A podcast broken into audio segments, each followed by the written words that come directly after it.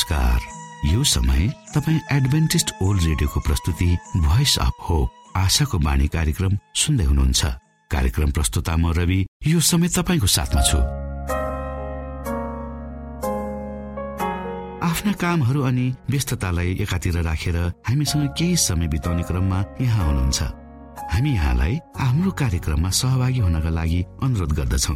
हामी साँचो परमेश्वर तपाईँलाई माया गर्ने परमेश्वर। तपाईँलाई उद्धार गर्न चाहने परमेश्वरका विषयमा जानकारीहरू प्रस्तुत गर्ने क्रममा छौ। श्रोता यी जानकारीहरू तपाईँको निमित्त अति महत्वपूर्ण पनि हुन सक्दछन्। परमेश्वरको प्रेमले तपाईँको जीवन सञ्चालन गर्न सकेको होस् भन्ने शुभ चाहना सहित हाम्रो कार्यक्रमलाई अगाडि बढाउ सुरुमा सुनौ यो आत्मिक भजन।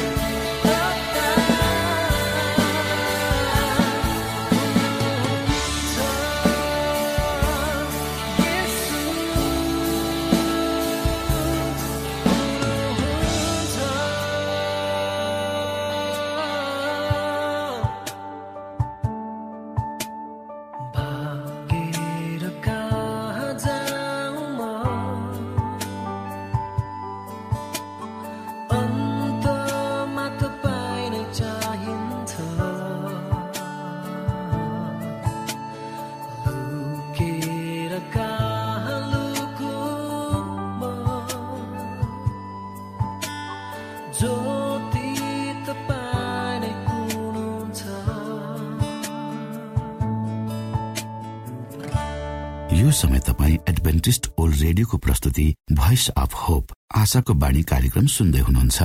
श्रोता मित्र यो समय हामी पास्टर उमेश पोखरेलबाट आजको बाइबल सन्देश सुन्नेछौ।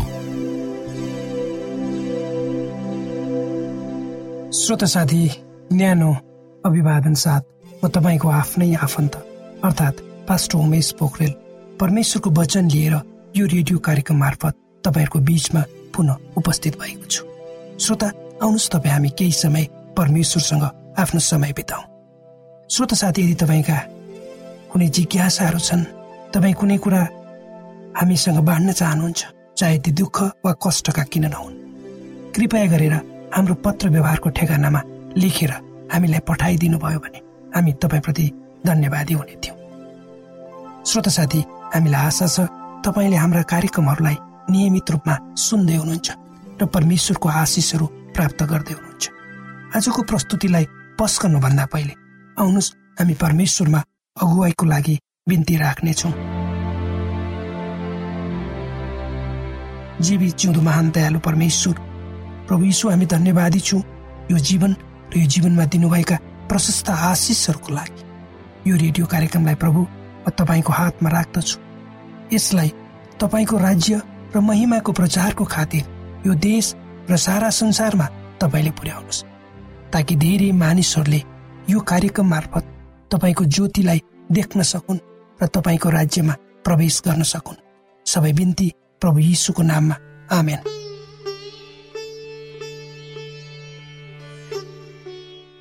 श्रोत साथी किन मानिसहरू टेलिभिजन हेर्नको निम्ति आफ्नो धेरै समय खर्चन्छ किन दिउँसो खुल्ने सिङ्गार गृहहरूमा महिला दिदीबहिनीहरूको भिड लागेको हुन्छ। किन आजका नवजवानहरू इलेक्ट्रोनिक पसलहरूमा तपाईँ भेट्नुहुन्छ? यस्ता धेरै कुराहरू छन् तपाईँ हाम्रो अगाडि। यसका धेरै कारणहरू छन्। तीमध्ये एउटा कारण भनेको मानिसको राम्रो जीवन जिउने चाहना नै हो भन्दा अर्को अर्थ नलाग्ला। अर्थात् अर्थात् आज मानिसहरू जुन रूपमा दौडधुप गरिरहेका छन् व्यस्त छन् वा मेहनत र परिश्रम गरिरहेका छन् ती सबैको पछाडि मानिसभित्र भएको एउटा शक्ति हो जसले मानिसलाई राम्रो र सफलतातिर डोर्याउँछ र प्रत्येक वर्ग तह र उमेरका मानिसहरूमा यो मोटिभ पाइन्छ। सबै मानिस आफू राम्रो देखिन चटक्क परेर हिँड्न र जवान देखिन चाहन्छ। त्यसमा तपाईँ हामी पनि पर्दछौँ। अर्थात् मानिस आफू रहेको परिस्थिति र अवस्थाहरू भित्रबाट माथि उक्लन सफल हुन चाहन्छ र यसलाई स्वाभाविकै मान्नुपर्छ। अर्को कारण हामी सपना देख्छौँ। अर्थात् दिउँसो सपना देख्नेहरू। विलासिता एवं उच्च तहको जीवनको परिकल्पना गर्छन् जुन वास्तविक जीवनमा प्राप्त गर्न सक्दैनन् ती मानिसहरू आफूलाई टेलिभिजनको सेटहरूको अगाडि बसेर जुन सिरियलहरू हेर्छन् र आफूलाई सन्तुष्ट पार्दछन्।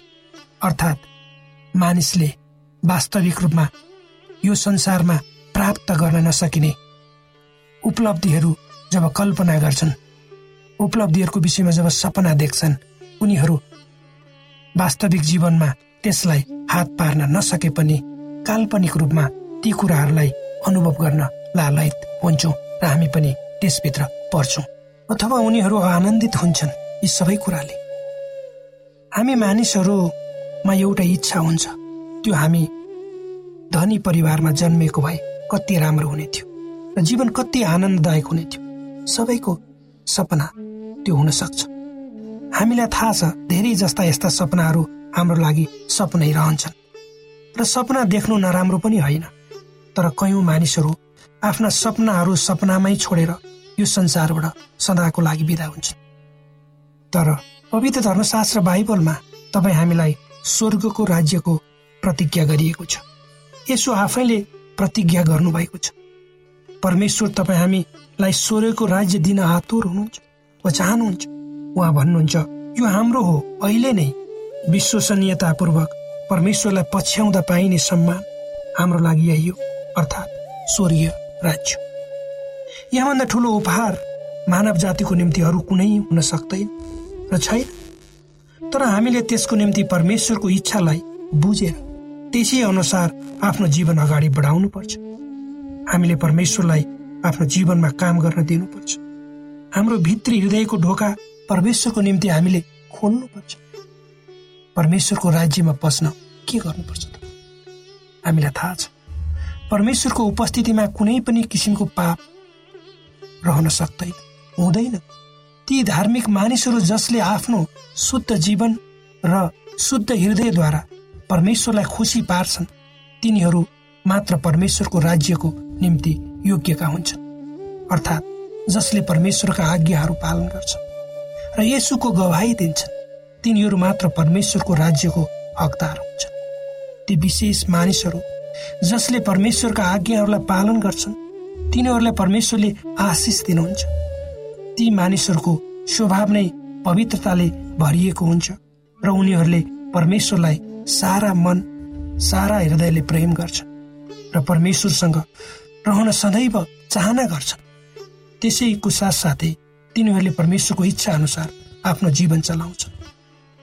र अरू मानिसहरूलाई पनि परमेश्वरको राज्यको निम्ति तयार गर्दछन् त्यसैले पवित्र धर्मशास्त्र बाइबलको लुका भन्ने पुस्तकको बाह्र अध्यायको बत्तीस पदमा प्रभु येसु भन्नुहुन्छ सानो बगाल नडराओ किनभने तिमीहरूलाई राज्य दिन तिमीहरूका पिता प्रसन्न हुनुहुन्छ। हो श्रोत साथी ज जसले परमेश्वरलाई चिनेका छन् हो श्रोत साथी ज जसले परमेश्वरलाई चिनेका छन् र उहाँको इच्छा अनुसारको जीवन जिएका छन्। तिनीहरूलाई सानो बालक भनेर प्रभु येसुले भन्नुहुन्छ। र तिनीहरूको निम्ति उहाँको राज्य तयार छ। यस सन्दर्भमा पवित्र धर्मशास्त्र बाइबलको भजन सङ्ग्रह भन्ने पुस्तकको सत्ताइस अध्यायको चौध पदमा भजन सङ्ग्रहका लेखकले यसो भन्छन् परम प्रभुको प्रतीक्षा गर। बलिया हौ र तिम्रो हृदय साहसिलो होस् र परम प्रभुकै प्रतीक्षा गर यहाँ राजा दाउद भन्छन् परमेश्वरको प्रतीक्षा गर। के को निम्ति? भन्दा परमेश्वरको इच्छा हाम्रो जीवनमा पुरा होस् पनि प्रतीक्षा गर्नु भनेर भनिएको र यहाँ यो पनि भनिएको छ कि हामीले यो पापपूर्ण र दुःखदपूर्ण संसारको अन्तको प्रतीक्षा गर्नुपर्छ। ती परमेश्वरका जनहरूले यो संसारका संसारको अन्त्यको प्रतीक्षा ती परमेश्वरका जनहरूले संसारको अन्त्यको प्रतीक्षा गर्नुपर्छ। यी कुराहरूको निम्ति पर्खनु मूल्यमान छ। प्रतिज्ञाको निम्ति ठुलो धैर्यताको आवश्यकता पर्छ। यसै सन्दर्भमा पवित्र धर्मशास्त्र बाइबलको प्रकाश भन्ने पुस्तकको चौध अध्यायको बाह्र पदमा यसरी लेखिएको छ। परमेश्वरका आज्ञाहरू पालन गर्ने र यसुमाथि विश्वास राख्ने सन्तहरूको धैर्य धारणा यसैमा छ। र अगाडि तेह्र पदमा यसो भनिन्छ अनि स्वर्गबाट आएको यस्तो आवाज मैले सुने।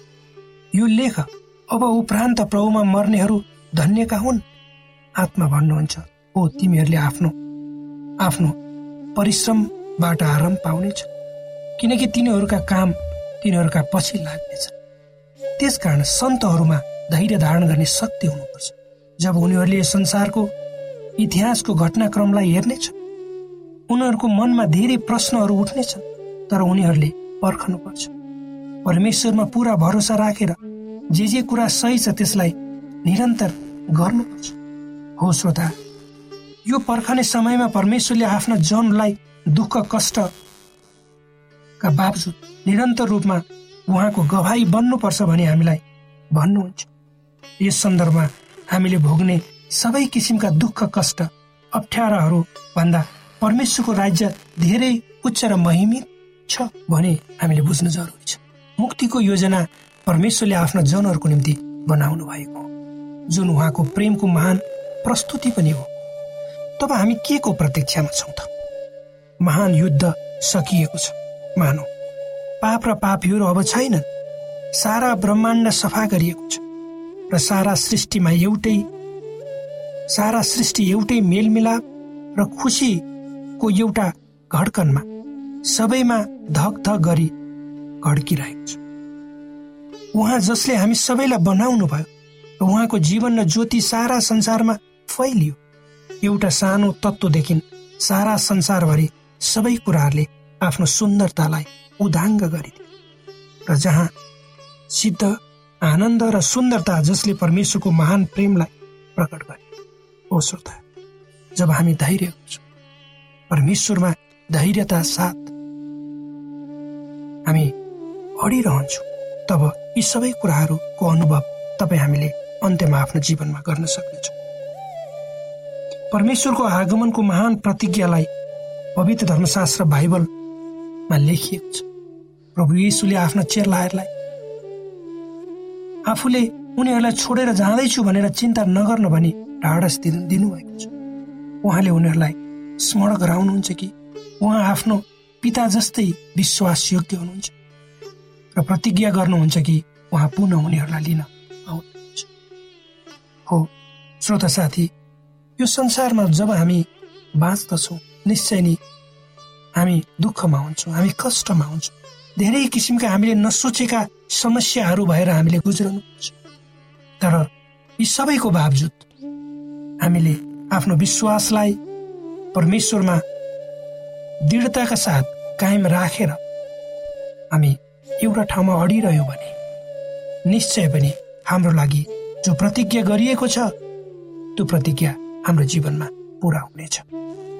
र त्यसपछि हामी अनन्तसम्म परमेश्वरसँग उहाँको सामिप्यमा हामी रहने हामीले मौका पाउनेछौँ। र परमेश्वरसँग आफ्नो जीवन सँगसँगै हिँडाउँदा पाउने त्यो खुसी र आनन्दको प्रत्यक्ष अनुभव हाम्रो जीवनमा स्वयं हामीले गर्नेछौँ। त्यो यति मिठो र आनन्ददायक हुन्छ त्यसको कल्पना पनि हामीले पहिले गरेका हुँदैनौँ। यी वचनहरूद्वारा परमेश्वरले तपाईँलाई आशिष दिउन्।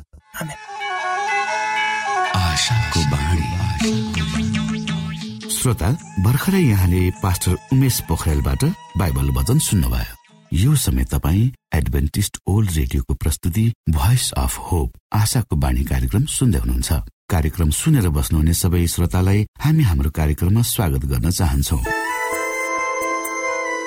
श्रोता मित्र यदि तपाईँ जीवनदेखि हरेस खानु भएको छ तपाईँका जीवनमा धेरै अनुत्तरित प्रश्नहरू छन् भने आउनुहोस् हामी तपाईँलाई परमेश्वरको ज्योतिमा डोहोऱ्याउन चाहन्छौँ र तपाईँ आफ्नो जीवनका चिन्ता फिक्रीबाट निश्चिन्त हुनुहोस् र बाँच्नुको आनन्द परमेश्वरको सामिप्यमा कति मिठो हुन्छ त्यो चाख्नुहोस् भनी हामी चाहन्छौँ।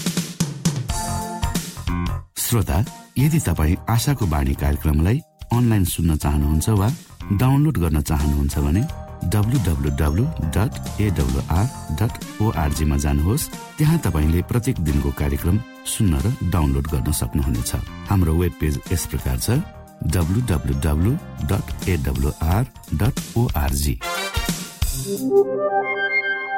श्रोता यदि तपाईँ हामीसित सिधै फोनमा सम्पर्क गर्न चाहनुहुन्छ भने हाम्रा नम्बरहरू यस प्रकार छन्। अन्ठानब्बे एकसाठी पचपन्न शून्य एक सय बिस। अन्ठानब्बे एकसाठी पचपन्न शून्य एक सय बिस। र अर्को अन्ठानब्बे अठार त्रिपन्न पन्चानब्बे पचपन्न। अन्ठानब्बे अठार त्रिपन्न पन्चानब्बे पचपन्न।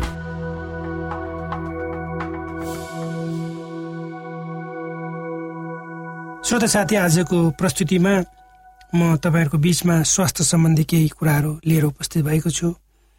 आजको शीर्षक छ हाम्रो दैनिक जीवन जसलाई मैले कान्तिपुर भन्ने पत्रिकाको कोपिला भन्ने विशेष अङ्क हुन्छ त्यसबाट लिएको छु।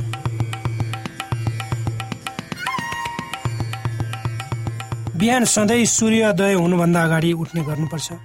बिहान चाँडै उठ्दा स्वच्छ हावा लिन पाइन्छ जसले स्वास्थ्यलाई फाइदा गर्छ। उठ्ने बित्तिकै मन तातो पानी दुई तिन गिलास पिउनुपर्छ। पानी पिएपछि शौचालय जानुपर्छ। दिशा कब्जियत भएमा धेरै किसिमका रोगहरू लाग्ने सम्भावना हुन्छ। त्यही भएर बिहान शौचालय जाने बानी बसाल्नुपर्छ खाना खाने बेलामा र खाना खाएपछि तुरुन्तै पानी पिउनु हुँदैन। पानी खाना खानुभन्दा एक डेढ घन्टा अगाडि पिउनुपर्छ।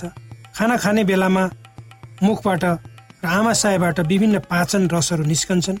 पानीको सेवन बढी भएमा ती रसहरू पानीमा घोलिएर जान्छ त्यसले गर्दा खाएको सबै कुरा पचाउन सकिँदैन। बिहानको खानापछि केही पिउन मन लाग्छ भने फलफुलको रस खानु राम्रो हुन्छ। दिउँसो दही वा लस्सी राति दुध खानु स्वास्थ्यको लागि राम्रो मानिन्छ।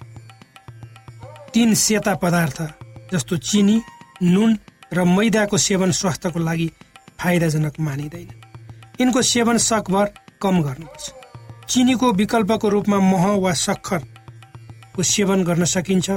यसै गरी मैदाबाट बन्ने खाद्य पदार्थहरूभन्दा पिठोबाट बनेका खानेकुराहरू सेवन गर्नुपर्छ। बिहान दिउँसो र साँझको खाना खाने समय एउटै हुनुपर्छ। बिहानको खाना भरपेट खानुपर्छ। दिउँसोको अलि कम र राति थोरै खानु स्वास्थ्यको हिसाबले राम्रो मानिन्छ। साँझको खाना खाए लगतै सुत्नु हुँदैन। केही बेर घर वरिपरि हिँड्नु राम्रो मानिन्छ। खाना खानु अघि साबुन पानीले हात र खुट्टा मुख धुनुपर्छ। खाना खाँदा सधैँ हँसिलो हुनुपर्छ। खाना खाँदा धेरै कुरा गर्नु हुँदैन। खानालाई जति सक्दो बढी चबाएर खानुपर्छ। खाना खाएपछि सधैँ दाँत ब्रस गर्नुपर्छ। अझ गुलियो खाने कुरा खाएपछि त झनै ब्रस गर्न बिर्सनु हुँदैन।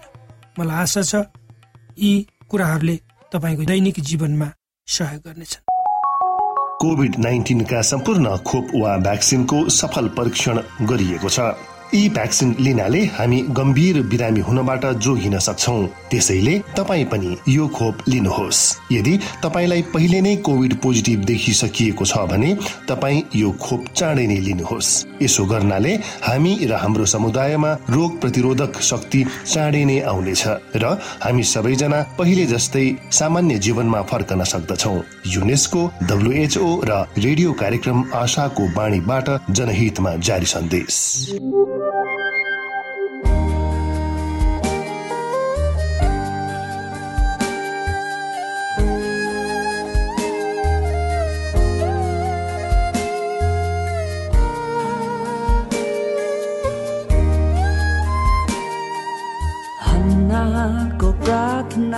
प्रार्थना सुन्नु हुने।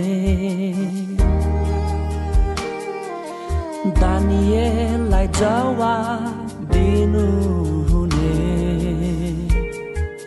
दाउदलाई विजय दिनु हुने।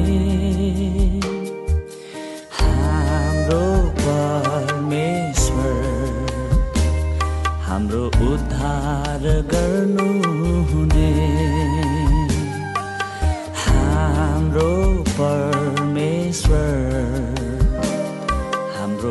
हाम्रो पुकारा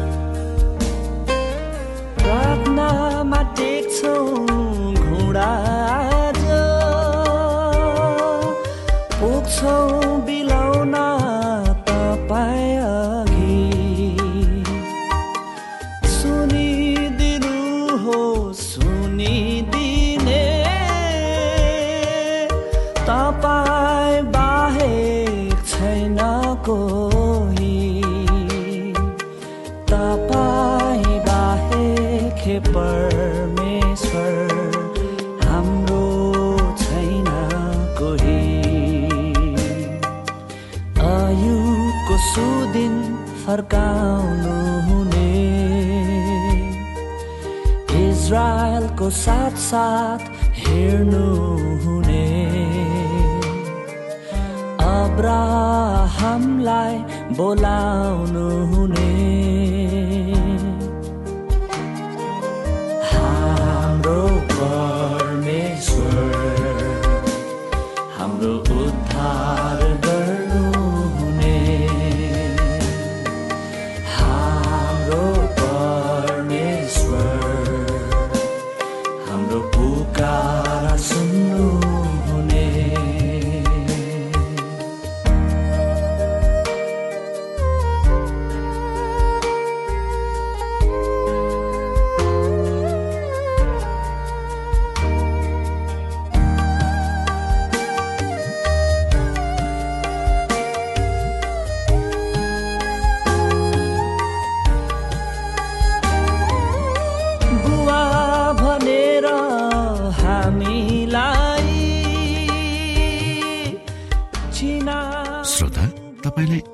हाम्रो यो कार्यक्रम शिक्षाप्रद लाग्यो र तपाईँले यसबाट विशेष अगुवाई लिन सक्नु भएको छ भने हामीले आशा लिएका छौँ। हामीसँग पत्राचार गर्ने हाम्रो ठेगाना यस प्रकार छ। आशाको बाणी पोस्ट बक्स नम्बर दुई शून्य शून्य शून्य दुई काठमाडौँ नेपाल। श्रोता यदि तपाईँ हाम्रो स्टुडियोको नम्बरमा सम्पर्क गर्न चाहनुहुन्छ भने हाम्रा नम्बरहरू यस प्रकार छन्। अन्ठानब्बे एकसाठी पचपन्न शून्य एक सय बिस। अन्ठानब्बे एकसाठी पचपन्न शून्य एक सय बिस र अर्को अन्ठानब्बे अठार त्रिपन्न पन्चानब्बे पचपन्न। अन्ठानब्बे अठार त्रिपन्न पन्चानब्बे पचपन्न। हवस् त श्रोता भोलि फेरि यही स्टेशन र यही समयमा यहाँसँग भेट्ने आशा राख्दै प्राविधिक साथी राजेश पास्टर उमेश पोखरेल र कार्यक्रम प्रस्तुता म रवि यहाँसँग विदा माग्दछौ। नमस्कार।